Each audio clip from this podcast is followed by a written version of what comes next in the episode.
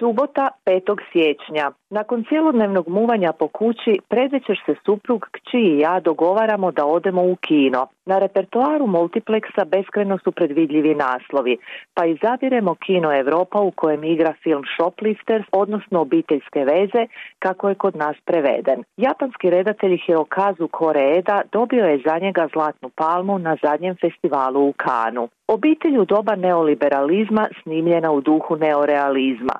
Tako bismo mogli opisati ovaj emotivno i moralno kompleksan film u kojem redatelj socijalno-politički kontekst prikazuje suptilno u drugom planu, ali dovoljno jasno da se vidi da su mnogima dostupni samo loše plaćeni poslovi, da otkaze dobivaju oni koji na svom radnom mjestu imaju najveću satnicu pa će nakon toga postati još malo siromašniji, da je društvena briga za starije ili djecu nedostatna i prebačena na leđa pojedinaca. U ovoj tokijskoj obitelji u kojoj na kraju ništa nije onako kako nam se činilo da jest, bakina mirovina jedini je siguran prihod, što je filmski motiv koji se posljednjih godina proteže od Like do Tokija, od filma 72 dana Daniela Šerbeđije do japanskih obiteljskih veza.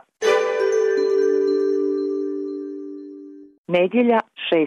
siječnja. Ujutro je na portalima osvanula vijest da je novi Tuđmanov spomenik u Zagrebu išaran simbolom Srpa i Čekića. Taj je čin u vijestima uglavnom prezentiran kao vandalizam i vandalski napad.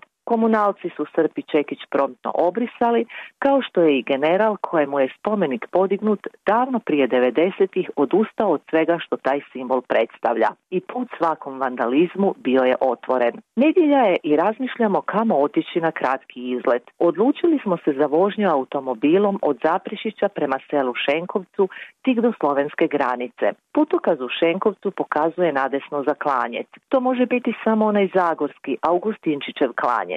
Skrećemo i u istinu cesta vodi u Sutlu i slovensku granicu do Klanjca. Kada smo već tu, skoknut ćemo i do obližnje Kumrovca. U njemu nas ne, ne zanimaju toliko Titova radna kuća, Augustinčićev spomenik ispred nje i etno selo, koliko zgrada bivše političke škole. Naime, u proljeće 2012. godine pomagali smo u akciji spašavanja knjiga iz zgrade političke škole kada je nekoliko sanduka knjiga o kojima nitko nije vodio računa prebačeno na Filozofski fakultet u Zagrebu. I tada je s nama išla kći, koja je taj događaj ostao u živom sjećanju i sada je poželjela ponovno vidjeti onu uništenu zgradu punu knjiga. Na ulazu su lokoti i upozorenje da je obilazak opasan po život. Ponedjeljak 7. siječnja. Ovaj tjedan sam na godišnjem, ali dan po navici počinjem pregledavanjem mailova i čitanjem vijesti. Ne znaju svi da ne radim, pa mi je tako stigao tekst kolege Milana Gavrovića koji piše o tome što za Hrvatsku znači da ima najbolje guvernere na svijetu. Najprije Željka Rohatinskog, a sada i Borisa Vujčića. A znači sljedeće. Ono što je najbolje za londonski časopis Bankar i za naše guvernere ne znači da je najbolje i za ekonomiju i stanovništvo zemlje. Da pače, to znači da je Hrvatska zapravo Eldorado za strane bankare i uvoznike. Utorak 8. siječnja. Puno je sitnih poslova pokući nakon čega odlazim u Novi Zagreb do mame riječ po riječ i ona se sjeti da je u mojim godinama već bila u mirovini. Cijeli radni vijek provela je u tekstilnoj industriji pobjeda, tvornici na zavrtnici, poznatoj po proizvodnji kvalitetnog trapera i porcamta. Krajem 80. i početkom 90. i oni su, kao i velika većina tekstilne industrije u Hrvatskoj, počeli propadati. Mani su dokupili staž i tako je vrlo rano otišla u mirovinu. Mama kaže da su zbog propasti tvornice ona i kolegice i kolege na kraju plakali. U međuvremenu je cijela tekstilna industrija premještena puno istočnije i umjesto Božene, Nevenke, Bibe, Nilke, Sofije, danas se nad merceriziranim pamukom i keper vezom znoje neke druge radnice, one u Bugarskoj ili Rumunjskoj ili još dalje izvan Europe. One nikada neće dobiti 13. plaću, neće se hraniti u tvorničkoj menzi, niti imati ostale tvorničke i sindikalne pogodnosti koje su imale radnice i službenice pobjede. Srijeda 9. siječnja. Objavljeni su rezultati novog krodemoskopa.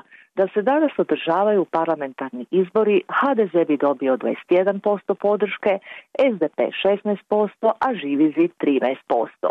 Smjer kretanja zemlje podupire samo 22,7% građana, dok čak 68,5% njih smatra da Hrvatska ide u pogrešnom smjeru. Takve protestne glasove prikuplja upravo živi zid, o čim je porast u popularnosti i uopće o desnom populizmu u Europi za N1 televiziju govorio ekonomski analitičar Domagoj Mihaljević. Budući da takozvani politički centar sve više zazire od demokracije, na njegovim se ruševinama događaju različiti politički procesi, kaže on. Pa su tako i pokret pet zvijezdica i Liga u Italiji preuzeli vlast na ruševinama starog sistema. Poznato je da su Ivan Pernar i Živi zid u središte pažnje postavili pojedine teme o kojima se malo ili uopće ne raspravlja, kao što su siromaštvo, novac, dugovi, vanjska politika, medijska cenzura, kako je napisao drugom prilikom Mihaljević.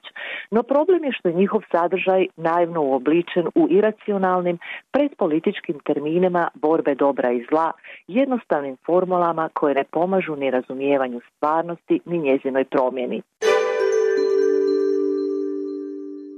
četvrtak 10. siječnja. Predstavnici Izraela danas su u Zagrebu službeno obavijestili Ministarstvo obrane ono što već svi neslužbeno znaju, da ne mogu dobiti odobrenje SAD-a za isporuku aviona F-16 Barak Hrvatskoj. Premda upućeni tvrde da je hrvatski državni vrh barem godinu dana znao za američki uvjet da ne mogu dobiti avione s ugrađenom izraelskom opremom, ministar obrane Damir Krstičević i dalje tvrdi da je Hrvatska sve napravila ispravno i da za ovu neočekivanu komplikaciju nema nikakve odgovornosti hrvatske strane. Ministrov posao stoljeća ta namjeravana kupovina 12 aviona starih 30 godina za gotovo 3 milijarde kuna koje je SAD prodao Izraelu, a ona njima napravio preinake pa su Amerikanci tražili da se iz njih ukloni sva dodatna oprema, pretvorio se u fijasko desetljeća.